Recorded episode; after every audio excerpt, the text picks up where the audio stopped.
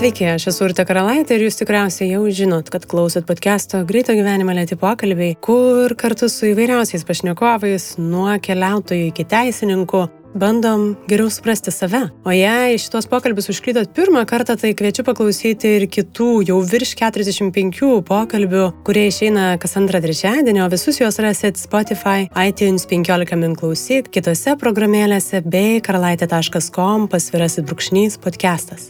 Šiandien kalbuosi su Vilniaus universiteto filosofijos fakulteto dėstytoju, psichologu Antanu Kairiu. Mane užkabino Antano gilinimasis į interneto, žiniasklaidos psichologiją bei kaip šių dienų medijų mechanizmai mus veikia, taip pat ir evoliucinį žmogaus psichologijos formavimąsi. Tomis kryptimis ir pabandysim paklaidžioti, nors tuo pačiu aš visada pasiduodu netikėtumui pokalbiuose, nes panašu, kad tai atneša įdomiausius atradimus. O už įvairiausius netikėtus atradimus šituose pokalbiuose mes turim dėkoti vis augančiam podcast'o rėmėjai būriui. Šį kartą prie podcast'o Patreon draugų prisijungė klausytojai Valdas Rubel, Daina Bilkstytė ir Živilė Zablatskaitė. Podcast'o jūsų prisidėjimas iš tikrųjų labai praverčia, nes pokalbiai jau du metus reguliariai ir visiškai nemokamai pasiekia jūs, o jiems pagimdyti reikia tikrai daug laiko, pasiruošimo, pastangų, papildomų rankų ir galvų. Tai jeigu klausot, patinka ir galit bent simboliškai prisidėti podcast'ui, tai tikrai padės sklandžiau važiuoti toliau. Jums tinkamą kasmėnesinę sumą galit skirti patreon.com pasvirasis brūkšnys lėti pokalbiai. Podcast'o kūrimą taip pat dalinai finansuoja Spaudos, radio ir televizijos remimo fondas. Pokalbis įrašytas Vilniaus universiteto radio stotyje Start FM, kurios galite klausyti FM dažniu 94,2 arba startfm.lt. Garso kokybė rūpinasi garso reklamos studija Drop Audio, o sklaida prisideda portalas 15 minučių. Tai štai kiek visokiausių organizacijų ir įmonių prisideda prie podcast'o gyvavimo, tai aš tikrai esu visiems labai dėkinga, nes viena nemanau, kad galėčiau tiek daug nuveikti. Ačiū Jums. O dabar eikime patyrinėti galbūt kažką naujo su psichologu Antanu Kairiu. Gerą klausimą.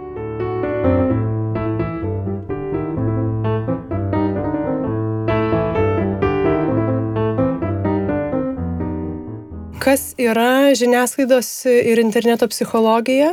Gana keblus reikalas. Iš tikrųjų, jeigu paprastas apibūdinimas, tai visi psichologiniai procesai, su kuriais mes susidurėme, kai kalbame apie žiniasklaidą ir internetą. Jeigu mes kalbėsim iš tokių senų tradicinių reikalų, tai žiniasklaidos psichologija yra kaip žmogus suvokia tai, kas yra, kaip tai žmogų veikia ir iš kitos pusės, na, vat, kažkiek lindimas į tą turinį, na, pavyzdžiui, klasikinės temos agresija, pornografija ir panašus reikalai. Kai prisidėjo internetas, pasidarė viskas gerokai sudėtingiau, nes, na, pats, pavyzdžiui, podcastas kaip formatas, kas čia yra? Nu, tai yra kaip ir tradicinė žiniasklaidos radio laidos variantas, kuris atsidūrė internete funkcijos, poveikis, mechanizmai psichologiniai, kurie sukasi apie jį, pasidaro jau gerokai skirtingi nuo to, ką mes turėjome tradiciniai žiniasklaidai. Tai su internetu prisidėjo visokie smagus dalykai kaip fake news, samokslo teorijos, kompiuterinių žaidimų poveikis, gausybė pačių įvairiausių dalykų, bendravimas internetu, socialiniai tinklai, jų poveikis. Ir tai pasidarė toks didžiulis siūlų kamolys, kur tradicinė žiniasklaida persipina su tradiciniu internetu ir mutuoja visokius netradicinius procesus, kurie savo ruoštų yra naudojami žmonių, kur žmonės turi tam tikrą motivaciją to užsimti, kur žmonės sukuria tam tikrą dinamiką, pavyzdžiui, grupinę dinamiką socialiniuose tinkluose ir galų gale visą tai, dėl ko jie naudoja, kas yra tose socialiniuose tinkluose ar podcastos ar kažkur, pradeda žmogų veikti. Tai vad visas tas miksas ir yra interneto žiniasklaidos psichologija. Tai aš gal truputį noriu paliesti karantino dar besivelkančias mm. temas. Aš pati asmeniškai ir truputį gal subjektyviai sprendžiu ir pagal savo auditoriją jaučiu, kad jau norėtųsi nuo jų šiek tiek atitolt, nors koronos temos ir problema be abejo nedingsta. Tai jūsų kolegomis vykdėte būtent Lietuvoje karantino metu psichologinės savijautos tyrimą Iš to, ką aš skaičiau apžvalgoje, minit, kad esminių kažkokių pokyčių savijautos nėra pastebima, bet kas mane truputį sudomino, kad galimi pakitimai yra vėliau, kad jausenos pokyčiai gali ateiti visiškai ir po karantinų ir lyg ir atrodytų, kad jau grįžom į normalų gyvenimą. Kodėl gali atsirasti toks uždėlstumas? Tai čia yra irgi paprastas ir sudėtingas reikalas. Tai pirmas dalykas, pokyčių nėra, jeigu lyginsim nuo 20 maždaug kovo, tai jau yra tik prasidėjus karantinui iki maždaug mėnesis po balandžio gale. Nes tai yra tas laikotarpis, apie kurį mes dabar jau turim apdoroję duomenys ir galim kažką kalbėti. Mes renkam duomenys ir toliau, dar planuojam netgi rinkti ir galbūt rugsėjai dar paskutinį matavimą pasidaryti ir pasižiūrėti, kaip tas pokytis yra toliau, kaip tai keičiasi. Ir šitoj vietoj vėl apie ką mes kalbėsim. Jeigu mes žiūrėsime tokį vidurkį, ar ne, suvidurkinam visus mūsų tyriamuosius, tai tų žmonių gerovės, streso lygio ir taip toliau pokyčiai yra santykinai nedrastiški per pirmąjį mėnesį. Mes nežinom, kaip buvo iki karantino, mes neturime va to bazinio matavimo, nes karantinas ištiko gana netikėtai ir kol mes startavom, mums prireikė poro savaičių. Kai mes pradėjome jausti, kad karantinas artėja, mes pradėjome ruoštis tyrimui, bet, na, tas užtrunka. Per šitą laikotarpį tie pokyčiai nebuvo tokie drastiški, bet iš kitos pusės mes matom, kad žmonių individualūs pokyčiai yra gana skirtingi. Yra kam situacija gerėja, yra kam situacija blogėja. Bandėme žiūrėti, nuo ko gali priklausyti šitie pokyčiai ir matome, kad tai gali būti ir tiek na, kažkokie socialiniai, demografiniai reikalai. Na, sakykime, finansinė padėtis kaip vienas iš tokių atsiskleidusių dalykų. Taip pat kai kuriuose zonuose kaip tik e, jaunesni žmonės patyrė daugiau problemų. Tiesa, čia turiu pastebėti, kad mes neturėjom pačių vyriausių. Mes iki maždaug 65 metų turėjom tyriamuosius ir vėliau nebegalime pasakyti, kas yra. Tai va, ir po to dar pastebėjome, kad tai yra susiję ir su individualiais skirtumais. Tai yra, kaip atrodo mūsų asmenybė. Ir tai gali būti gana stiprus veiksnys susijęs su tuo, kaip mes reaguojame į karantiną. Tai šiuo atveju va, toks gana komplikuotas paveikslas atsiskleidė. Jeigu mes kalbėsime apie uždėlstus dalykus, tai čia irgi yra turbūt dvi skirtingos plotmės. Vienas dalykas - dalis karantininių dalykų tęsis ir ilgiau. Konkretus pavyzdys mes vis dar bent jau aš pats turiu papildomų apsunkinimų, nusprendžiant ar sveikinti su žmogum, ištiesant ranką, o apsikabinti yra gerai, negerai. Pavyzdžiui, aš turėčiau čia ateiti su kaukė ar ne, dėl viso ko aš ją pasiėmiau. Ar ne? Kurioje vietoje vis dar reikia kaukės, kurioje ne. Darbinės įvairios situacijos. Kas bus priimtina po karantino, kokios tradicijos pasikeis. Tai gali būti papildomas veiksnys, kuris toliau lydės mus per gyvenimą. Ir dar vienas svarbus dalykas. Žmonės ne vienodai buvo paveikti karantino ir ne vienodai paveikti buvo pačio koronaviruso. Dalis žmonių tikrai patyrė sudėtingus išgyvenimus. Tai yra užsikrėtimai, artimų užsikrėtimai, mirtis, kažkokie didesni judėjimo pribojimai, kai tai buvo tikrai svarbu sunku, sunkios situacijos šeimoje, kažkokio dramų išgyvenimai ir na, šeimininių krizių, sakykime taip, gal ne tiek dramų. Ir įvairūs panašus dalykai, ta pagaliau pagalbos teikianti žmonės, gydytojai, na, įvairiausi, įvairiausi patyrimai. Ir ką mes žinome iš ankstesnių epidemijų, konkrečiai SARS ir panašių, mes žinome, kad tie, kurie atsiduria pirmose eilėse, tie, kurie patiria stipriausią smūgį, jie patiria ir uždėltas pasiekmes. Tai šiuo atveju to mes tikrai galim tikėtis ir tikėtina, kad tas mastas gali būti didesnis. Čia įdomu būtų, nežinau, kiek galima priartinti, bet aš iškart pagalvojau apie potrauminį sindromą, mm. kuris irgi, kaip suprantu, ateina po įvykio ir gal net pasireiškia kažkokiais tai simptomais žymiai vėliau įdomu čia pamatyti, kad kritinėse situacijose žmogus lyg ir mobilizuojasi ir spręsti problemą, kokia ji bebūtų, ir nejaučia poveikio. Ir ar čia būtų galima karantiną ir pandemiją taip pat pamatyti kaip galima po trauminio sindromo kaip čia sukėlėja, nežinau, ar taip galima sakyti. Manyčiau, kad tikrai daliai žmonių tikrai taip. Globaliai, kalbant apie kiekvieną mūsų, greičiausia ne. Nes tikrai buvo žmonių, kuriem gal net tai buvo atsipalaidavimo laikotarpis. Ta prasme, reakcijos ir poveikis tikrai buvo labai skirtingas. Bet aš manau, kad mes galim drąsiai sakyti, kad daliai žmonių tai gali būti potrauminio streso sindromo lygmens arba tipo poveikis.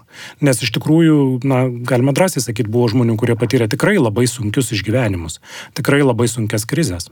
Žiūrint į žmogaus elgesį krizinėse situacijose, jūs ir kitose pokalbiuose minit, kad pasireiškia daug neracionalumo, kad ir tas emocinis išsibalansavimas kažkoksai tai veikia, bet tuo pačiu krizėse žmonės mobilizuojasi įdomu, ar asmenybiniai tipai elgesi skirtingai, nes aš matau tokius kraštutinumus, kad vieni tarsi visiškai pasiklysta, pasimeta ir nebegali nieko daryti ir sustingsta, o kiti kaip tik gal veikia tiksliau.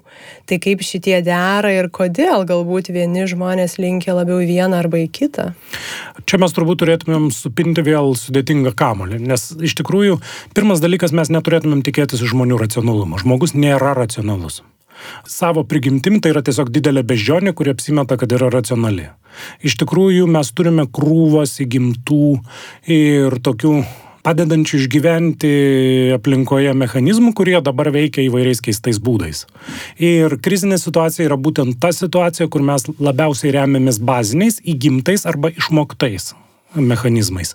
Nes kriziniai situacijai mes dažniausiai turim per mažai laiko galvoti, iš kitos pusės mes turime per mažai pajėgumų galvoti, nes yra aukštas streso lygis, na, reikia greito veikimo dažnai ir kažkas tokio. Puikus pavyzdys yra, na, paimti kažkokią tai ekstrinę situaciją. Ne, tai ne, ne tiek karantininę, bet paėmus, sakykime, gaisro situaciją ar kažką tokio, tai žmonės paprastai aktyvuoja bėg ir gelbėkis kažkokį tai mechanizmą ir jie per daug ir nesvarsto savo veiksmų pasiekmių, priežasčių, filosofinės prasmės prasmės ir kaip tai siejasi su jų ankstesniu gyvenimo būdu. Tai yra išgyvenimo situacija ir mes tiesiog veikiame. Kai mes kalbam apie kažkokį ilgalaikišesnį dalyką, tai pradeda veikti įvairūs išmokti ir turbūt nuo vaikystės, nuo kultūrinių praktikų priklausomi dalykai. Ar ne, kiek mes pasitikime sprendimais, kuriuos mums siūlo valdžia, kiek mes a, iš savo asmeninės patirties turime įvairių supratimų apie tai, kaip elgtis ekstreniai situacijoje, kiek mes buvom susidūrę su kažkokiam, na, kitom iššūkius keliančiam situacijom, kaip mes jas sprendėm, kokie ilgesiai pasiteisino, kai mes nuo vaikystės atsidūrė kažkokioje streso situacijoje, kaip tėvai reaguodavo, koks mūsų elgesys išaugdavo tėvų tinkamą reakciją ir taip toliau ir panašiai. Na ir galų gale taip tikrai turbūt ir asmenybinės savybės lemia šitą dalyką irgi kažkiek. Na, va ir mūsų tyrimas rodo, kad pavyzdžiui intravertai visai neblogai susidarojo su vienišumo išgyvenimu. Tuo tarpu ekstravertam tai smogė stipriau. Tai, na, jau vien tas potencialiai provokuoja skirtingas reakcijas. Tai iš tikrųjų šitoje vietoje, na, nereikia tikėtis žmonių racionalių reakcijų kiek įmanoma pasirengti šitom, na, va, ekstremaliom situacijom, tai ir yra arba išmokyti žmonės reaguoti, arba sukurti sistemas, kurios padėtų žmonėm reaguoti tinkamai. Tai yra turbūt du pagrindiniai keliai. O sakyti, tu mąstyk racionaliai, pasirink teisingai, na, tai dažniausiai nepriveda prie to rezultato, kurio mes norime, nes žmonės pradeda mąstyti, bet įvairiais, įvairiom kryptim ir tai nebūtinai yra geriausias pasiekimas. Čia kaip ir pasiūlymas nusiraminti. čia, čia turbūt yra pats geriausias pasiūlymas, tu nusiramink, ar ne? Tai paprastai labai gerai suveikia, visi iš karto nusiramina. Kitas labai geras pasiūlymas yra tu nepanikuok. Mhm. Irgi labai gerai padeda nepanikuoti. Tai jūs minite dabar asmenybės kažkokius bruožus ir aš ir toliau kažkaip norėjau ten mhm. nuklysti, mm. tiek ir intravertai, ekstravertai, bet ir galvojant apie jautrumą, patiklumą, kažkokį mm. polinkį, gal karštakošiškumą. Kaip šitie vystosi, nes jūs minit ir įgyta, išmokta, tai kiek tai ateina iš toliau, kiek tai vaikystėje ir pamažu yra mūsų imliai mokomasi iš aplinkos. Mhm, čia yra turbūt o, psichologijos problema, kurią psichologija bando spręsti nuo XIX amžiaus žiūrint į kurią teoriją įkišim nosį ir ką jinai sako. Tai ir šiuo metu, na tiesą sakant, yra dvi konkuruojančios pagrindinės teorijos, kuri viena sako, e, beveik viskas yra įgimta, baigim kalbėti apie išmokimus, jie kažkiek svarbus, bet daug įdomiau yra, kas įgimta. Kita sako, nu gal kas nors ir įgimta, bet tas, kas įgimta, tai netaip ir svarbu. Geriau kalbėkime apie tai, kas išmokstama. Aš sakyčiau, kad greičiausiai kaip visada tiesa yra kažkur tarpe ir mes turime tikrai solidžią bazę įgimtumų. Arba bent jau ankstyvoji vaikystėje susiformavusių dalykų. Ir kai mes kalbam ir sakom, kad va, šitas žmogus yra jautresnis, šitas žmogus yra storesnio oda, tai didelė dalimi greičiausiai bus va šito, na, va kažkokio įgimtumo ir ankstyvos vaikystės patirčių mišinys. Aš labiau linkstu link įgimtumo, bet negaliu neikti ankstyvos vaikystės patirčių. Iš kitos pusės mes per savo gyvenimą irgi mokomės tvarkyti su stresu, tvarkyti su traumuojančiais dalykais, tvarkyti su kažkokiais iššūkiais. Na ir iš kitų mokomės ir iš savo patirčių vieni daugiau, kiti mažiau, bet tai irgi užkloja tokį luobą. Tai, na, va šitoje vietoje aš sakyčiau, kad mes ir vieną, ir kitą dalyką turime turėti omeny, kai kalbame. Tai, va, pavyzdžiui, kalbant apie šitą jautrumą, Ne, tai, na, tradiciškai, va, ta paradigma, kurią aš visai mėgstu, penkių faktorių, jinai tai sieja su tokia asmenybės bruožu, kurį vadina neurotiškumu. Nes skamba žiauriai, mums iš karto Freudas su neurozėm, bet, na, iš esmės tai reiškia, kiek daug mes turime tendenciją patirti a, neigiamas emocijas. Gėda, kaltę, liūdėsi, tą patį, kiek mes gerai dorojame su stresu, kiek mes veikiam impulsyviai. Tai žmogus, kuriam yra būdingas aukštas neurotiškumas, jis tikrai gali būti nebūtinai vadinamas neurotiku ar ne, bet jam yra tiesiog būdinga dažniau patirti ir greičiau patirti, greičiau besikeičiančias neigiamas emocijas. Tai vėlgi, kriziniai situacijoje, įtampos situacijoje šitam žmogui bus sunkiau. Vėl, gali būti žmogus, kuris iš prigimties yra labai neurotiškas. Jam bus sunku. Bet iš kitos pusės jis per savo ilgą gyvenimą turėjo ne vieną progą ugdyti būdus, kaip nusiraminti, kaip susivaldyti. Ir jis gali krizę spręsti geriau negu žmogus, kuris yra iš prigimties ramus, bet nieko nemo, nesimokė per savo gyvenimą. Tai šiuo atveju tos varstiklės jos yra daugia planės ir svarstosi visą laiką į visas puses. Jeigu kalbėsime apie patiklumą, tai čia turbūt yra toks bjaurus bruožas, kurio aš nežinau, su kuo taip tiesiai imti ir susijęti. Nes jeigu mes kalbėsime apie tikėjimą, kad kiti žmonės iš principo veikia gerai, siekdami iš principo gėrio, tai tai toks labai smagių pavadinimų bruožas yra sutarumas. Ir šiuo atveju sutarų žmonės dažniausiai veikia na, vat, kitų žmonių labui ir iš kitos pusės bendro gėrio labui. Jeigu tai dar suderinsim su tokiu samoningumu ir gebėjimu laikytis taisyklių ir noro laikytis jų, tai čia turbūt bus tie žmonės, kurie pirmieji užsidėjo kaukės, laikosi socialinio atstumo ir, na, ir mažesnė tikimybė užsikrėsti turi ir mažesnė tikimybė perduoti kitiem. Tai va, bet vėl, jeigu mes turėsim žmogų, kuris tarsi yra sąmoningas, besilaikantis taisyklių ar nenumatantis, planuojantis, numatantis veiksmų pasiekmes, bet jis visą laiką augo aplinkoje, kurio bazinė išgyvenimo strategija yra išvengti kažkokių tai taisyklių, nes tie, kas laikydavosi taisyklių, visada žlugdavo, sakykime, kažkokia galbūt, na, tokia mažiau sociali aplinka, kur gero gyvenimo e, ir išgyvenimo taisyklė yra tai, kad tu turi vengti kažkokių tai, na, va, priimtų normų, nes jos tavo aplinkoje tau kenkia na, kažkokia vos nekriminalinė galbūt aplinka. Tai natūralu, kad tai nebus žmogus, kuris puls dėtis kaukę, ne.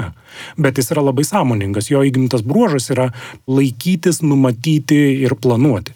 Taip, bet jis planuoja remdamėsi savo pagrindu, savo supratimu apie gyvenimą. Tai kai mes taip pat kompleksiškiau žiūrime visą tą dinamiką, viskas pasidaro per daug sudėtinga, kad būtų vienas atsakymas. Ir va čia turbūt yra ir psichologijos džiaugsmas, ir bjaurumas. Ne, nes paprastai, va, jeigu taip dar nukrypstant dar labiau iš šono, Dažniausiai visi nori paprasto atsakymo. Ir, na, vat, ta, mes tą turim tokį vat, visą kultūrą, kur coachingų blogąją prasme, nes yra coachingas gerąją ir blogąją prasme, sakykime, tenai visų verslo mokymų ir panašių dalykų, kur problema turi būti išsprendžiama paprastai, greitai ir aiškiai. Kai žiūri iš va tokių teorinių ir mokslinių pozicijų, dažniausiai taip nėra. Didžioji dalis problemų visgi yra kompleksiškos ir labai retos gali būti išsprendžiamos paprastai. Kai kurios gali būti ir jeigu pavyksta kompleksiniai problemai rasti paprastą sprendimą, tai yra džiugu. Bet dažniausiai taip nebūna. Tai ir tas pats yra ir su mūsų reakcijom į visas krizės ir visas koronas. Taip, čia labai įdomu, aš irgi norėjau visai ten nukrypti, nes jūs ir socialinėse medijose visai per dantį traukėt įvairius ir pseudomokslų, ir, ir nebeaišku, kokių ten sričių specialistus. Dar noriu truputį grįžti apie tas aplinkas, kurios be abejo daro įtaką ir mūsų elgsenai. Kaip tuomet, vad galvojant apie ūkdymasi kažkokio tai bruožo, jeigu keisti tas aplinkas per gyvenimą daug kartų radikaliai, kaip būtų galima matyti ir žmogaus elgsenos pokytį? Na, jūs minit kriminalinę aplinką mm. ir tuomet, jeigu jisai patenka į radikaliai priešingą aplinką, kiek jis gali būti imlus priimti tą informaciją. Sudėtinga. Nes vėl, koks žmogus kokioje aplinkoje ir į kokią aplinką patenka ir ką jam reikia dėl to pakeisti. Žmogus yra daugias sluoksnis padaras, ar ne? Yra dalykų, kurie bus labai arti jo kažkokios menybės centro, kurie bus labai stiprai susiję su va tuo apibrėžimu, kas aš toks esu. Tai jeigu tai yra jo bazinis vat, pagrindas, kas sudaro jo supratimą, koks aš esu žmogus, na tai paprastai būna pačios kertinės vertybės, patys kertiniai savęs apibrėžimai, kad aš esu tenai, nežinau, kažkokiu tiek profesiniam, tiek religiniam kontekste, tiek lytinės tapatybės, tai, na, va, daugelį kitų tapatybių. Tai šituos pakeitimus padaryti tikrai gali būti labai sunku. Iš kitos pusės, na, vat, jeigu tai pokytis reikalauja tiesiog, na, vat, aš patekau į naują darbą ir vietoj to, kad visi tenai šnekučiuotųsi gertų kavą ir būtų visi mėly ir draugiški, visi susirašinėja tenai trumposiomis žinutėmis bendrame kanale. Nu, tai toks pokytis, nu, savaitė kita ir bus atliktas ir žmogus greičiausiai gana gerai prisitaikys. Gal ten jam ir nebus svajonių pokytis, bet bus. Ir vėlgi, jeigu mes kalbėsim apie dažną aplinkos pasikeitimą, tikėtina, kad na, žmogus turės daugiau repertuaro, iš ko pasimti kažkokią tai elgesio nuotrupą ir ant jos užlipdyti naują elgesį. Tuo tarpu, jeigu mes turime žmogų, kuris, sakykime, keliasdešimt metų gyveno labai stabilioje, aiškioje aplinkoje, kurio labai aiškios elgesio taisyklės, jam persilaužti ir pereiti į visai kitokį veikimo režimą bus tikrai labai sunku. Paimkime, sakykime, Vilniaus gyventoją, kuris gyveno ten, yra tikras Vilnietis, kaip sako, kiek tenai senelių kapai turi būti Vilniuje, ar ne? Ir tenai senamestį ir visus kiemus žino, ir visus ritualus, kaip reikia elgtis Vilniuje, ir mes permetam į absoliučiai kitą aplinką. Nu, jam adaptuotis ir išmokti elgesio taisyklių tikrai užtruks net tokiam paprastam lygmenį, kaip, kaip orientuotis, kaip elgtis, kaip bendrauti su žmonėm kitam mieste, kaime ar kitoj kultūroje. O kai mes kalbam apie gilesnius dalykus, streso įveikas, pasitikėjimą kitais žmonėmis, vertybinius dalykus, tai bus daug sudėtingesni procesai ir kai kada jų tiesiog mes turbūt nepajėgus pakeisti ir per savo gyvenimą, jeigu neįvyksta kažkokių mega krizių. Čia aš įsivaizduoju, jūs tą ir minit, kad e, tapatinimasis ir savo kažkokio aš ir santykio su tuo aš turbūt e, dar daro įtaką. Tai ir galvojant vėl apie tą patį kriminalinę aplinką, jeigu aš tapatinu su tuo ir noriu čia būti, tai be abejo, jokios kitos aplinkos turbūt nepadės to pakeisti, bet jeigu žmogus norėtų kurti kažkokį kitą aš? Norėtų kurti, bet iš kitos pusės, nu, va, ar jis turi kuo ir kaip kurti. Čia yra visada klausimas. Žiūrėkit, jeigu mes kalbam apie žmogų, kurio visa tapatybė yra sukonstruota ant, pavyzdžiui, kriminalinio elgesio, ne? kad, na, vat, aš esu čia kiečiausias, aš žinau, kaip prasisukti ir visa kita. Ar jis turės elementų, kuriais jis galės pakeisti va tokį savo tapatumą?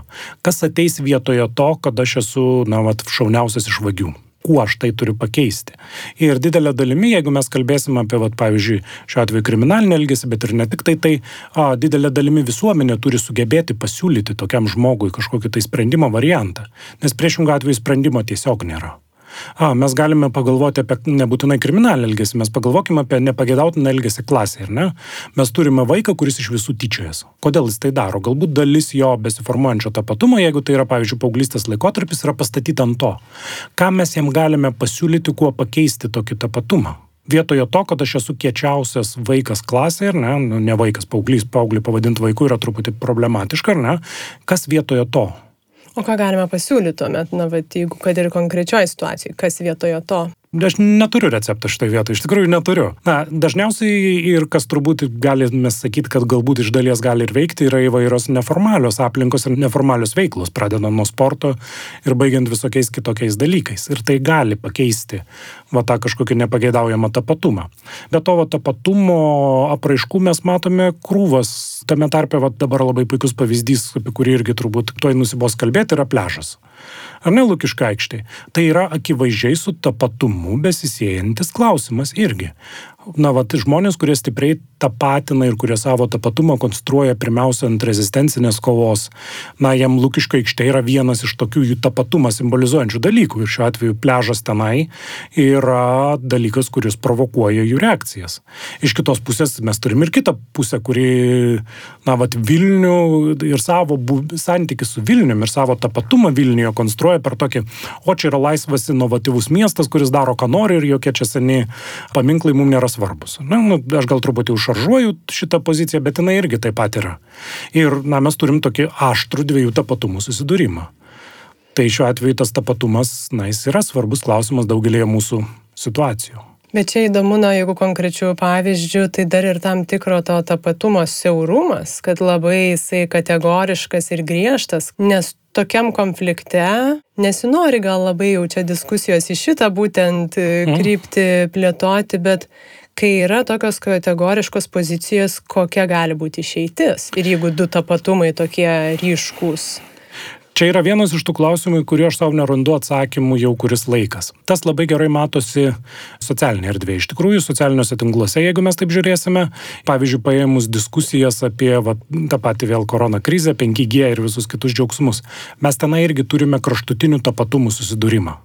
Mes turime žmonės, kurie iš principo savo tapatumą konstruoja per opoziciją, na, va, tai mainstreaminiai žiniasklaidai, per, na, kažkokių tai tikėjimą, kad pasaulį valdo slaptos e, jėgos, kurios bando visiems pekenkti ir per tokį, va, kontrkultūrinį kažkokį tapatumą, tra, kontrtradicinį tapatumą. Ir iš kitos pusės mes turime labai aktyvius, na, va, faktų tikrintojus ir va tos bazinės mokslinės tiesos kleidėjus. Ir va šitų dviejų bangų susidūrimas jis lygiai taip pat provokuoja konfliktą. Ir šitoj vietoj, na, aš nežinau, kaip gali susišnekėti dviejų kraštutinių tapatumų žmonės. Dažniausiai turbūt labai sunkiai ir labai na, labai maža tikimybė, kad per trumpą laiką, ypač naudojant medijuotą komunikaciją, tai įvyks. Nes tiek socialiniai tinklai, tiek tradicinė žiniasklaida šiuo atveju vietoje to, kad gesintų konfliktą ir rastų a, būdų, sąlyčio taškų ir noro susišnekėti, dažniausiai jį užaštrino.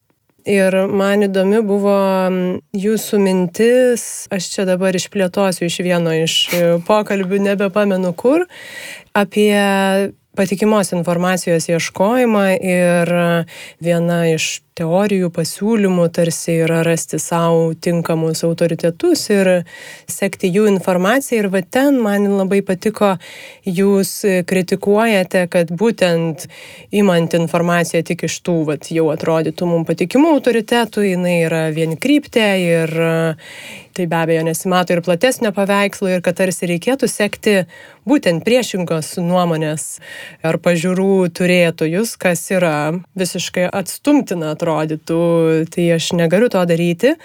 Iškart man klausimas, kodėl mums sunku dviprasme informaciją priimti ar pažiūrėti ir į tą, ir į tą informaciją.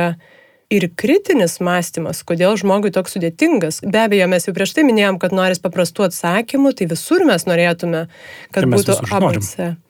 Mes visur norim paprastų atsakymų, išskyrus, na, va, tokias specifiškai sudizainintas aplinkas kaip podcastai, kur mes dažniausiai norim sudėtingų atsakymų į paprastus klausimus.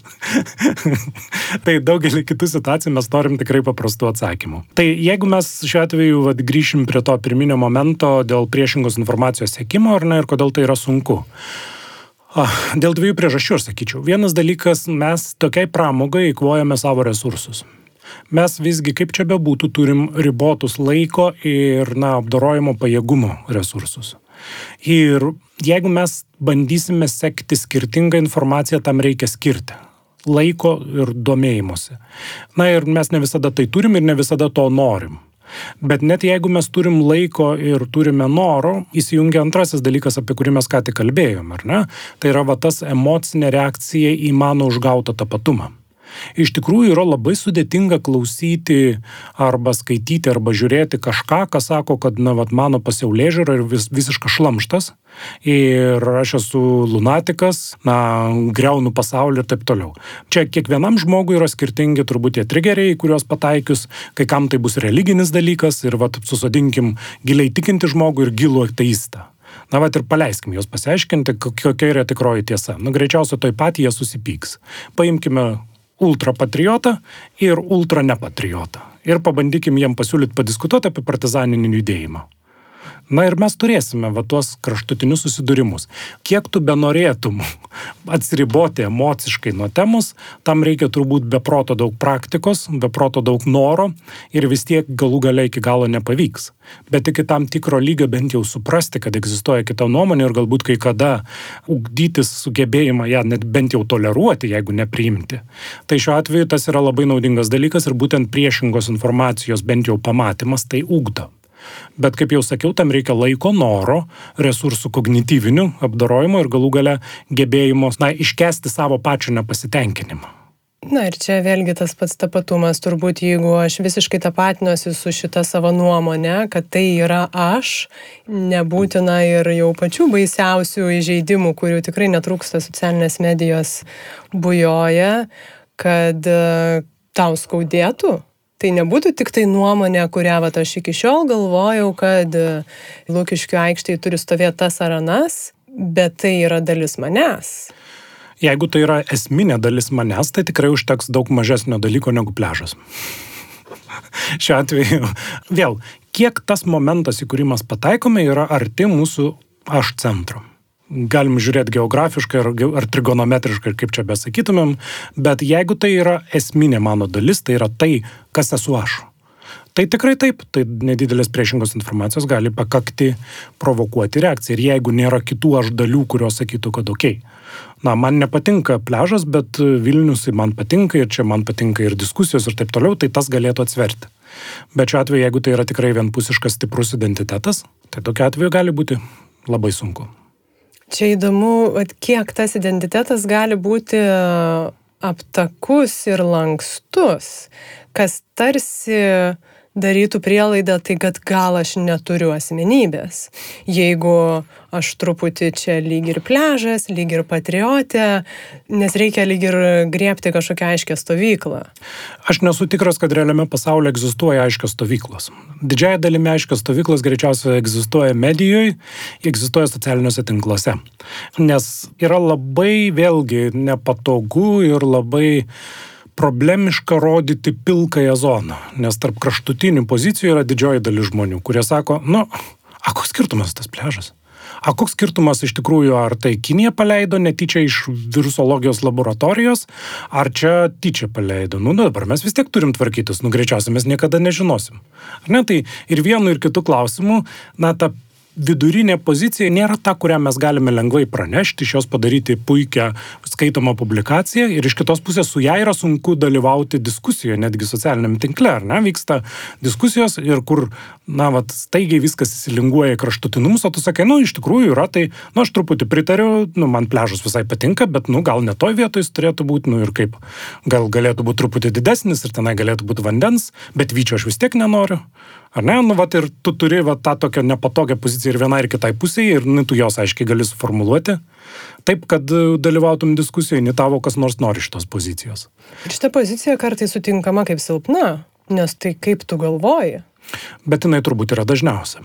Tai šitoje vietoje mes turbūt prieinam prie tokios esminės, jau šiuo atveju nebe visai man kaip psichologui patogios temos visuomenės polarizacijos. Nes visgi psichologija dažniau apie individą kalba. Bet šiuo atveju, ką mes turime ypač su socialiniu tinklų įsigalėjimu, labai greitą nuomonės išsiskyrimą į kraštutinės stovyklas. Tas vat vidurio kelias ir tas bandymas susitarti dažniausiai yra neparankus ir būtent vat pripažįstamas kaip kažkoks tai silpnumas. Nors jis iš tikrųjų nebūtinai yra silpnumas. Dažniausiai jis rodo nelankstų identitetą, nes aš nesu tikras, kiek tas identitetas lankstus. Jis greičiausiai kaip tik yra tiesiog įvairialypis ir labiau niuansuotas. Vietoj to, kad būtų balta ir juoda, jis yra didžiaja dalimi iš pustonių sudarytas. Realybė ir yra pustonių realybė. Mes realybėje turim labai mažai balto ir juodo. Mes labai mažai turime tikro gėrio ir tikro blogio. Ir šiuo atveju va, tas kraštutinės pozicijos diskusijai turėjimas dažniausiai yra, na, va, toks truputį į niekur vedantis kelias. Bet čia tie patys paprasti atsakymai. Arba juoda, arba balta. Kad... Ir mes jų norim, nes su jais būtų paprasta gyventi. Bet realybėje labai retai būna juodi ir balti atsakymai. Būna, bet labai retai. Ir daugelį va tokių socialinių diskusijų, ar tai būtų kaip geriausia kovoti su koronavirusu, ar tai būtų kur geriausia pilti smėlį, ar tai būtų, nežinau, kaip geriausia auklėti vaikus, arba ar egzistuoja Dievas, bet kuris iš šitų klausimų bus vienodai probleminis ir vienodai pilkų daug tonų turintis klausimas. Čia įdomu, nes iš tiesų jūs ir paminėti keletą būdų, kaip ir žiniasklaida, ir socialinės medijos, taip kaip veikia dabar, vairuoja tam tikrą prasme ir mūsų elgesį ir kažko reikalauja iš mūsų. Tai čia dar būtų įdomu pažiūrėti, turbūt jau plika akim matoma, kad ir jūs kaip psichologas minit, kad žmogus jautrus yra negatyviai informacijai, žiniasklaida šiandien tuo tikrai naudojasi. Žiūrint į tą negatyvę informaciją būtent krizių metu, kai situacija jau yra negatyvi ir dar papildomai yra kažkaip manipuliuojama galbūt, koks to poveikis žmogui gali būti, būtent, vat ir gal truputį grįžtant prie ir koronos pavyzdžių, kai tai nebūtinai atitinka realybę ir sužaidžiama su tuo mūsų jautrumu Ok, tai pirmiausia, mes taip tikrai labai jautrus neigiamą informaciją ir tam yra labai aiškus paaiškinimas iš evoliucinės psichologijos, paprastas atsakymas, kuris greičiausiai yra neteisingas, bet supa, nes yra supaprastinimas. tai, na, va, iš tos pusės mes galim sakyti, kad mes biologiškai programuoti reaguoti neigiamą informaciją. Nes, nu, mums yra svarbiau išgyventi negu kažkoks tai pozityvus ir gražus dalykas. Tai šiuo atveju natūralu, kad vat, šitoj, pavyzdžiui, kriziniai situacijoje ir ne koronaviruso situacijoje, na, mums tikrai yra svarbu sužinoti, kas kaip, kodėl, su kuo ir kaip ir ką daryti ir sekti tenai, kiek naujų užsikrėtimų, ypač pradžioj buvo, kaip jis plinta iš Kinijos į JAV, iš JAV į Braziliją, ir, ar kaip jis tenai plito, ar ne, vis, visi tie dalykai. Ir šitoje vietoje tada vat, atsiranda kitas dalykas ir kita komunikacinė problema. Iš tikrųjų turi atsirasti kažkas, kas užpildo patikimą, stabilę ir nekraupinančią informaciją. Nes jeigu mes važiuosime klikbeitinėm antraštėm, ar ne, visą laiką, kad vėl mirčių pikas ir tenai, nežinau, kur, kur link rytasi pasaulis, ar išgyvensime korona krizę ir taip toliau. Pasaulis niekada nebebus toks, ar mes be pamatysim artimuosius. Na, aš galiu prikurti krūvas tokių antraščių, jos kelia nereikalingą papildomą stresą. Tai va šiuo atveju, va, ta krizinė komunikacija yra turbūt numeris vienas dalykas šitoje vietoje. Bet vėl, kadangi mes gyvename va tokiai visuomeniai, kur na, žmonės turi teisę komunikuoti ir skirtingos žiniasklaidos priemonės ir socialinių tinklų grupės turi teisę diskutuoti, ką nori, šiuo atveju atsiranda ir kitas dalykas - žmonės savaime arba vedami kažkokių kreivų interesų arba savaime ieškodami atsakymų į klausimus, į kuriuos nėra paprasto atsakymo, jie prikuria papildomų baubų ir suranda paprastus atsakymus į klausimus, į kuriuos nėra paprasto atsakymo. Tai vad, ką mes matome puikiai dabartinėje vat, korona krizės vystimos etape, kad taip ir įvyko. Tose vietose, kur mes neturime aiškaus atsakymo, kaip atsirado virusas, kodėl jis taip plito, ar už to stovėjo kažkokie tai nesuvaldyti žingsniai, galbūt kažkokie piktybiniai veikimai, gal dar kažkas. Neaišku nei viruso kilmė, nei, nei kažkas tokio, ne? Tai šiuo atveju atsirado milijonas paprastų paaiškinimų. Ir kai tu pasakai vietoj to, kad tai yra potencialiai nežinomais keliais, galbūt skujuočiai, galbūt šikšnosparniai, galbūt dar kažkas, mutavęs kažkoks tai virusas ir mes iki galo nežinom, kaip jis ten mutavo, greičiausiai natūralus, va, bet, nu kaip čia, nežinau, kažkaip vyksta, vietoj to daug paprasčiau yra pasakyti, viruso nėra, yra 5G. Taškas pasaulis yra aiškus ir baltai juodas. Tai mes tą matome. Tai va tose vietose, kur yra pilka ir reikia daug pastangų norint suprasti, atsiras dalis grupių, dalis, dalis visuomenės nueis į baltą arba į juodą. Čia dar toks susipriešinimas grįžtant prie žiniasklaidos, kad gali būti, kad žiniasklaidai irgi neparanku duoti tiesų atsakymą ir aišku, ko mes irgi matome, kad antraštė lygi ir suponuotų, kad jau čia toj toj atsakysim, bet to atsakymo tai niekas ir nežino. Ir turėti krūvą atsakymų ir kasdien paleisti, kad štai dar vienas variantas, dėl ko tas ar anas įvyko, kas be abejo skaičius ir, ir peržiūras tikrai um, atveda kanalų irgi paranku yra. Iš kitos pusės tai veda prie to, kad atsiranda grupė žmonių, kurie apskritai nebesiorientuoja į tradicinę žiniasklaidą, nes jau turi gerą istoriją, patirčių, kaip nu, tu atsakymą tenai negausi ir tada renkasi alternatyvės tiesas, kur yra aiškus atsakymas, nebūtinai teisingas. Tai kiekviena lasda turi savo galus, tu iš pradžio didini savo skaitomumą, galbūt ir ilgalaikiai didini, bet tuo pat metu kuriasi šita tokia kreiva atmosfera, kur tu dalies straipsnių net nebandai atsidaryti ir dalies informacijos net nebandai sekti, nes galvoju, kad čia, o čia bus dar vienas pažadas išspręsti problemą, kuri neišsisprendžia. Ir tai nėra tikrai pozityvus dalykas. Tai be abejo, ir, ir mes, kurie dar kažkiek tai ją tikrai sekame, susidurėm su to pačiu, kad e, tikslę ar patikimą informaciją ten rasti tikrai sunku yra. Dar norisi pagalvoti apie tai, kad e, komentarų opcija ir žiniasklaidos atstinklų įtraukimo opcija sudaro tokį įspūdį žmogui, kad e, jisai ir jo nuomonė yra reikšminga ar kažkam įdomi. Be abejo, ir patys socialiniai tinklai apie tą patį yra, kad tu gali turėti va štai savo čia viešą e, sceną. Kaip toks klaidingas suvokimas, kad mes tarsi esam va šitaip reikalingi ir reikšmingi, keičia ir mūsų pačių santykių su savim? Mes mėgstam žinoti, kad mes esame reikšmingi ir tai yra labai stiprus stimulas vedantis mus veikti į vieną ar kitą pusę. Ir iš tikrųjų taip, labai gerai pastebėjot, kad iš tikrųjų socialiniai tinklai būtent ant to ir yra pastatyti visi. Tiek Instagramai, tiek TikTokai, tiek labiau tradiciniai Facebookai ir Twitteriai, jie visi ir yra pagristi tuo, kad žmogus gali pajausti kažkokį papildomą reikšmingumą.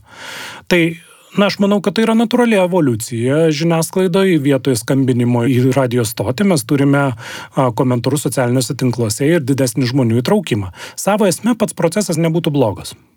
Šitas procesas, aš sakyčiau, netgi gal yra pozityvus, nes mums suteikia daugiau progos, na, pasakyti savo nuomonę, kartais net būti išgirstiems, dažniausiai neturbūt, bet kartais būti išgirstiem, kartais surasti sąlytį su kitais bendraminčiais. Problema galbūt yra tai, kad socialiniai tinklai generuoja labai greitą tą nukrypimą į kraštutinumą, ar ne, dėl savo prigimties, dėl to, kad a, informacija keičiasi greitai, dėl to, kad dauguma žmonių komentuodami mėgsta pabrėžti emociją kiek įmanoma stipriau ir ją, na, vat, užaštrinti, labai greitai įsivyrauja konfliktas, įsivyrauja, va, ta jau mūsų minėta polarizacija ir tokiu atveju vietoje galimybės pareikšti savo nuomonę mes turim galimybę susikelti konfliktą. Tai yra, va, ta juodai baltos informacijos atsiradimo irgi varikliukas.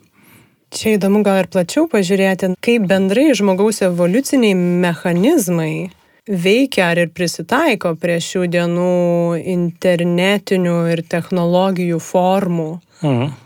formatų, iš tikrųjų evoliuciniai mechanizmai tikrai neprisitaiko prie šio laikinių socialinių tinklų.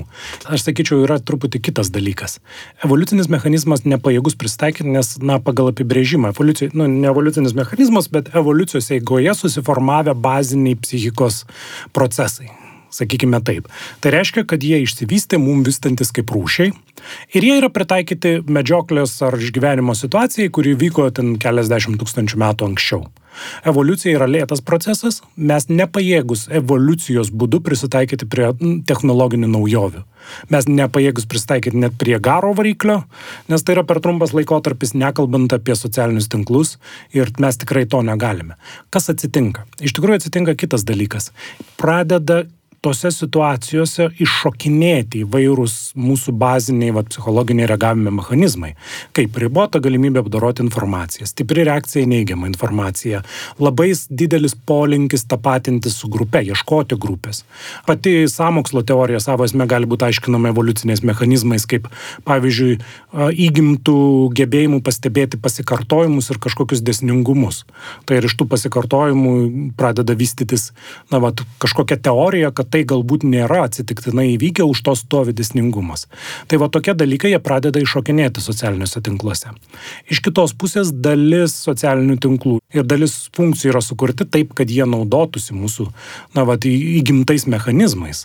Tiek, pavyzdžiui, informacijos dozavimas, taip kaip yra konstruojami, kokio ilgio yra filmukai arba kažkokie visokie panašus dalykai, jie irgi dažnai taiko į dėmesio trukmės galimybės, bando paimti mūsų dėmesį tada, kai jis yra nukreiptas į kažkur kitur didesnių, didesnių spalvingumų, didesnių garso tonų. Tai iš tikrųjų tiek dizaineriai pačio socialinio tinklo naudojasi sąmoningai, tiek natūraliai vyksta va, tų evoliucinių mechanizmų iššokimas. Ir tai gali duoti absoliučiai neprognozuojamas pasiekmes. Ir nesibaigiantis srautas psichologiškai žmogų labai traukia, ar ne? Čia, čia daugybė socialinių tinklų tą naudoja ir netgi Taip. ta pati Tinder platforma, na, tam tikros loterijos. Yra kažkoks terminas, man atrodo, psichologijai? Mm, šiuo atveju galbūt baime būti neįtrauktam, fear of missing out. Kažkas tokio yra.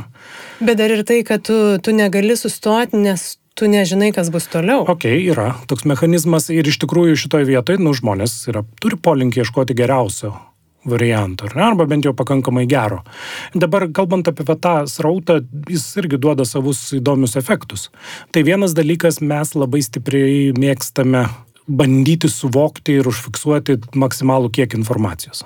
Negiliai, bet daug. Kodėl? Nes jeigu mes galvosime apie kažkokią vėl išgyvenimo situaciją, ne, mums yra svarbu nuolat monitorinti, kas vyksta aplink. Nes, na, tas, kas vyksta aplink, jeigu kažkas eina per krūmus, tai gal geriau yra pasiruošti. Jeigu kažkas eina per krūmus, gal čia bus mano maistelis vakarienės.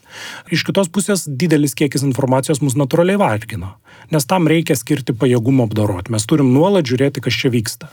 Tai socialiniai tinklai vat kūrė šitą atmosferą, kad, na, va, tą baimę būti paliktam už informacijos. Nes tuo metu mano socialiniam tinkle kažkas vyksta. Aš šiuo metu netikrinu va telefono jau visą laiką, kol mes rašinėjom šitą tinklalaidą, ar ne? Tai šiuo atveju ir va kažkas ten vyksta ką mano draugai šiuo metu veikia, gal jie jau kažką sutarė, gal jie turi planą, kur mane išstumė. Ir vėl evoliuciškai mes labai stipriai orientuojamės į tą momentą, kai grupė mus išstumė. Nes tai yra labai pavojingas dalykas iš vat, individuo perspektyvos. Jeigu grupė jį išstumė iš savo rato, tai gali baigtis blogai.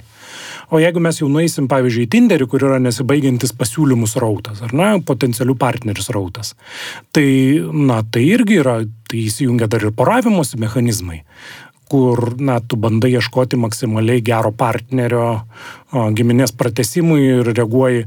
Pats Tinderis iš esmės yra pastatytas ant fizinės išvaizdos vertinimo ir socialinio galbūt prestižo kažkiek dar. Ir šiuo atveju, nu, o gal už kampo laukia dar geresnis partneris. Ir tai darosi kuo toliau, tuo sudėtingiau pasirinkti. Ir jūs paminėte tą išstumimą iš bendruomenės, tai čia truputį irgi gal trumpai jau priliesti ir pandemijos metu tam tikros stigmos ryškėja ir socialinių grupių, rizikos grupių išryškinimas ir įrėminimas pamečiau žodį. Išspirimas iš bendruomenės yra vienas iš mūsų bazinių poreikių, pažeidimų, nes mes norim būti grupėje. Kaip ilgoj perspektyvoje gali tai žmogų veikti? Vat tarkime, jeigu staiga tu atsirandi rizikos grupėje.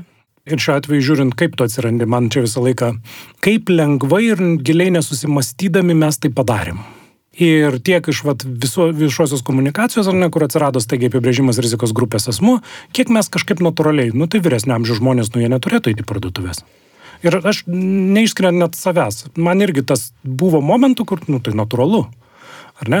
Tai šiuo atveju, na, vat mes kaip tokia galbūt ne tokia jau labai beždžionių visuomenė, ne, beždžionių grupė, bet jau kažkiek bandantis ir, ir gyventi labiau žmonišką ir socialinį gyvenimą žmogiškąją prasme, mes galbūt turėtumėm galvoti ir apie alternatyvius mechanizmus, okei, okay, jeigu yra padidinta rizika, tai pirmiausia galvokime apie būdus, kaip tų žmonių neužgauti ir, nes, ir nepažeisti jų bazinių poreikių, kaip poreikio bendrauti ir kokius kitus įtraukimo būdus mes galime pasiūlyti. Ir šiuo atveju, kalbant apie patį terminą rizikos grupės asmuo, čia Mažieikis labai gerai viename straipsnėje apibrėžė, kad tai yra iš esmės nuosmeninta kalba. Ar ne? Ir mes pradedam naudoti va tą nuosmenintą tokią eufemizmų kalbą tada, kai, na, mums reikia su kažkokia socialinė grupė elgtis, na, kiek mažiau gerai, negu įprastai mes elgiamės.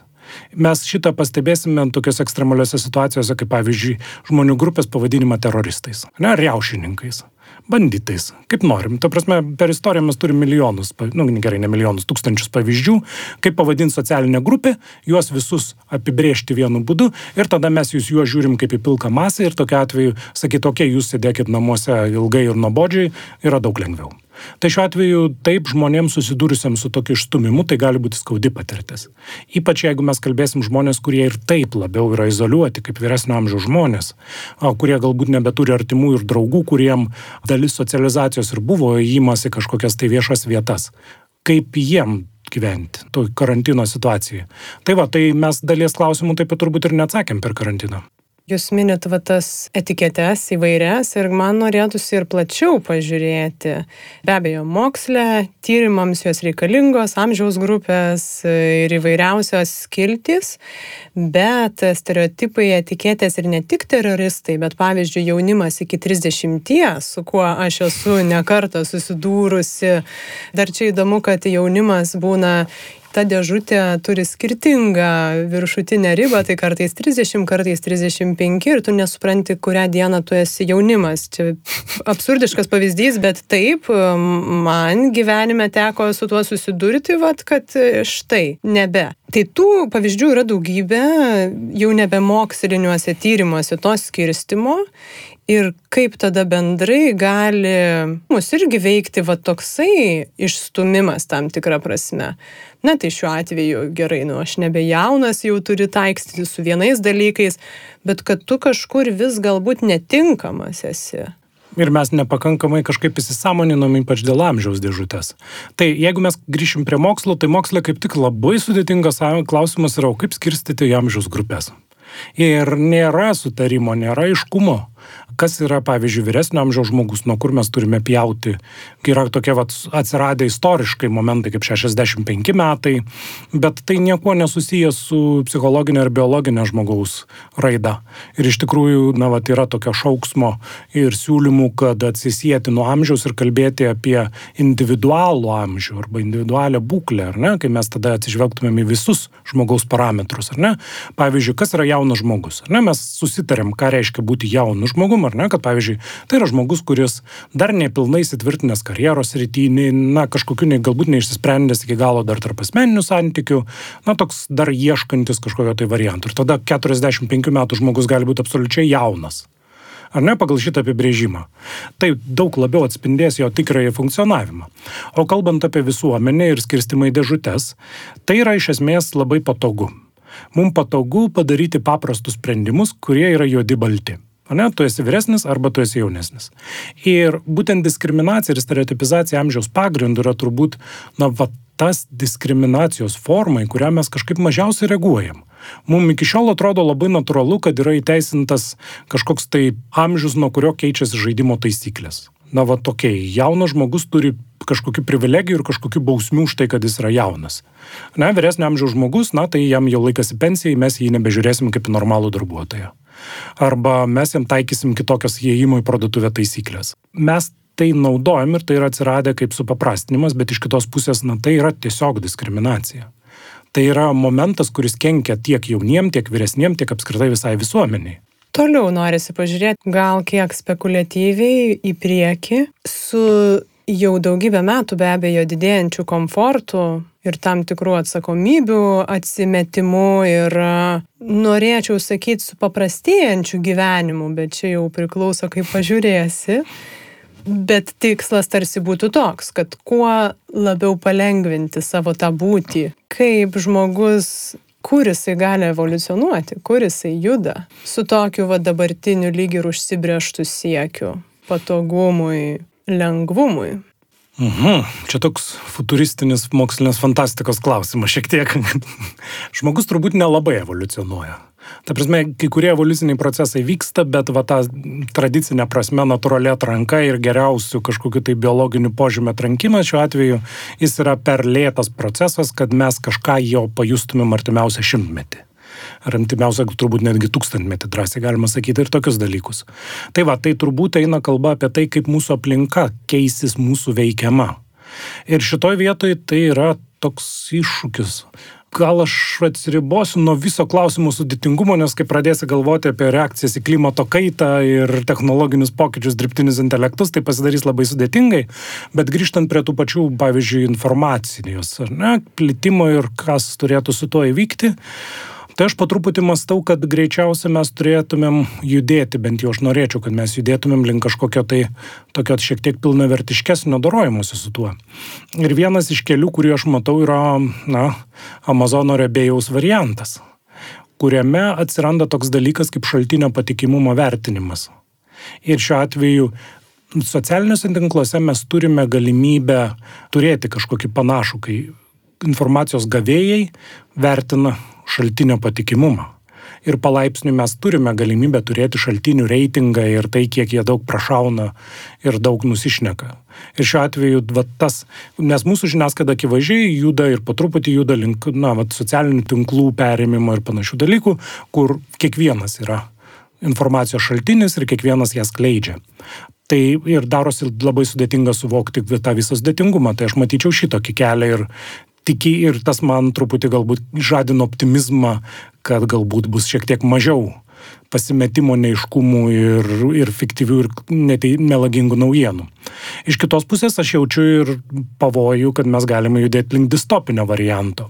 Nes e, žiūrint į autoritarinius režimus ir jų gebėjimus išnaudoti naujasias technologijas, na, pagalvojus vien apie rytų šalis, pirmiausia Kinija ir pagalvojus apie kitas variantus, kaip lengvai socialinius tinklus ir žiniasklaidą gali išnaudoti autoritariškai nusiteikę politikai ar, ar visi režimai, mes galime judėti link stipresnės kontrolės link stipresnių, nemalonių reikalų, kurie yra gristi automatiniais algoritmais, kurie tau priskiria kažkokį tai socialinį reitingą, kas yra eksperimentuojama Kinijoje ir kurie tavo gyvenimą po to iš principo lemia pagal tavo elgesį.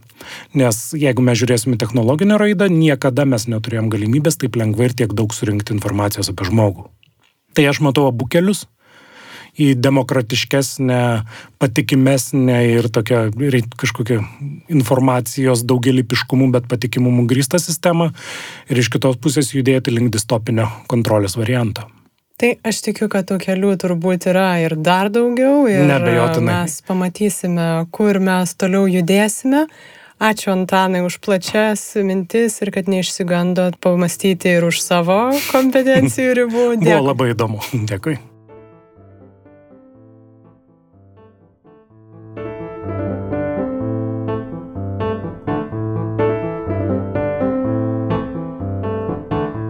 Ačiū, kad klausėtės. Panašu, kad mano vizitinė kortelė tampa užsimoti su klausimais šiek tiek per daug.